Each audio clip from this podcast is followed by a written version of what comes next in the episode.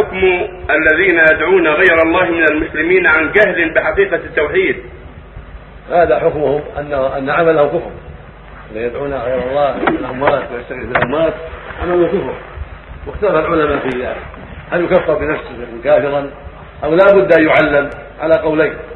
أحدهما أنه لا بد أن يعلم لأن قد قد يكون اشتبه عليه الأمر بسبب دعاة الباطل وبسبب علماء السوء. اشتبه عليه الأمر فلا بد أن يعلم لا بد أن ينبه قبل أن يحكم عليه الكفر وهذا قول جماعة من العلم. والقول الثاني أنه لا يحتاج إلى إلى بيان لأن الأمر واضح. والقرآن كله في بيان الشرك وهكذا السنة والرسول بين ذلك والعلماء بينوا ذلك فلا يتوقف كفره على البيان بل هو كافر بهذا العمل ولكن يستتاب قبل أن يقتل إذا كان هناك دولة إسلامية تحاسبه فإنها لا تقتل حتى تستجيب. تب إلى الله ودعا هذا الشرك فإن تاب وأقلع الحمد لله. وإن أصر عليه قتل وبكل حال فهو خطير. والقول بأنه كافر بمجرد هذه الأعمال قول قوي.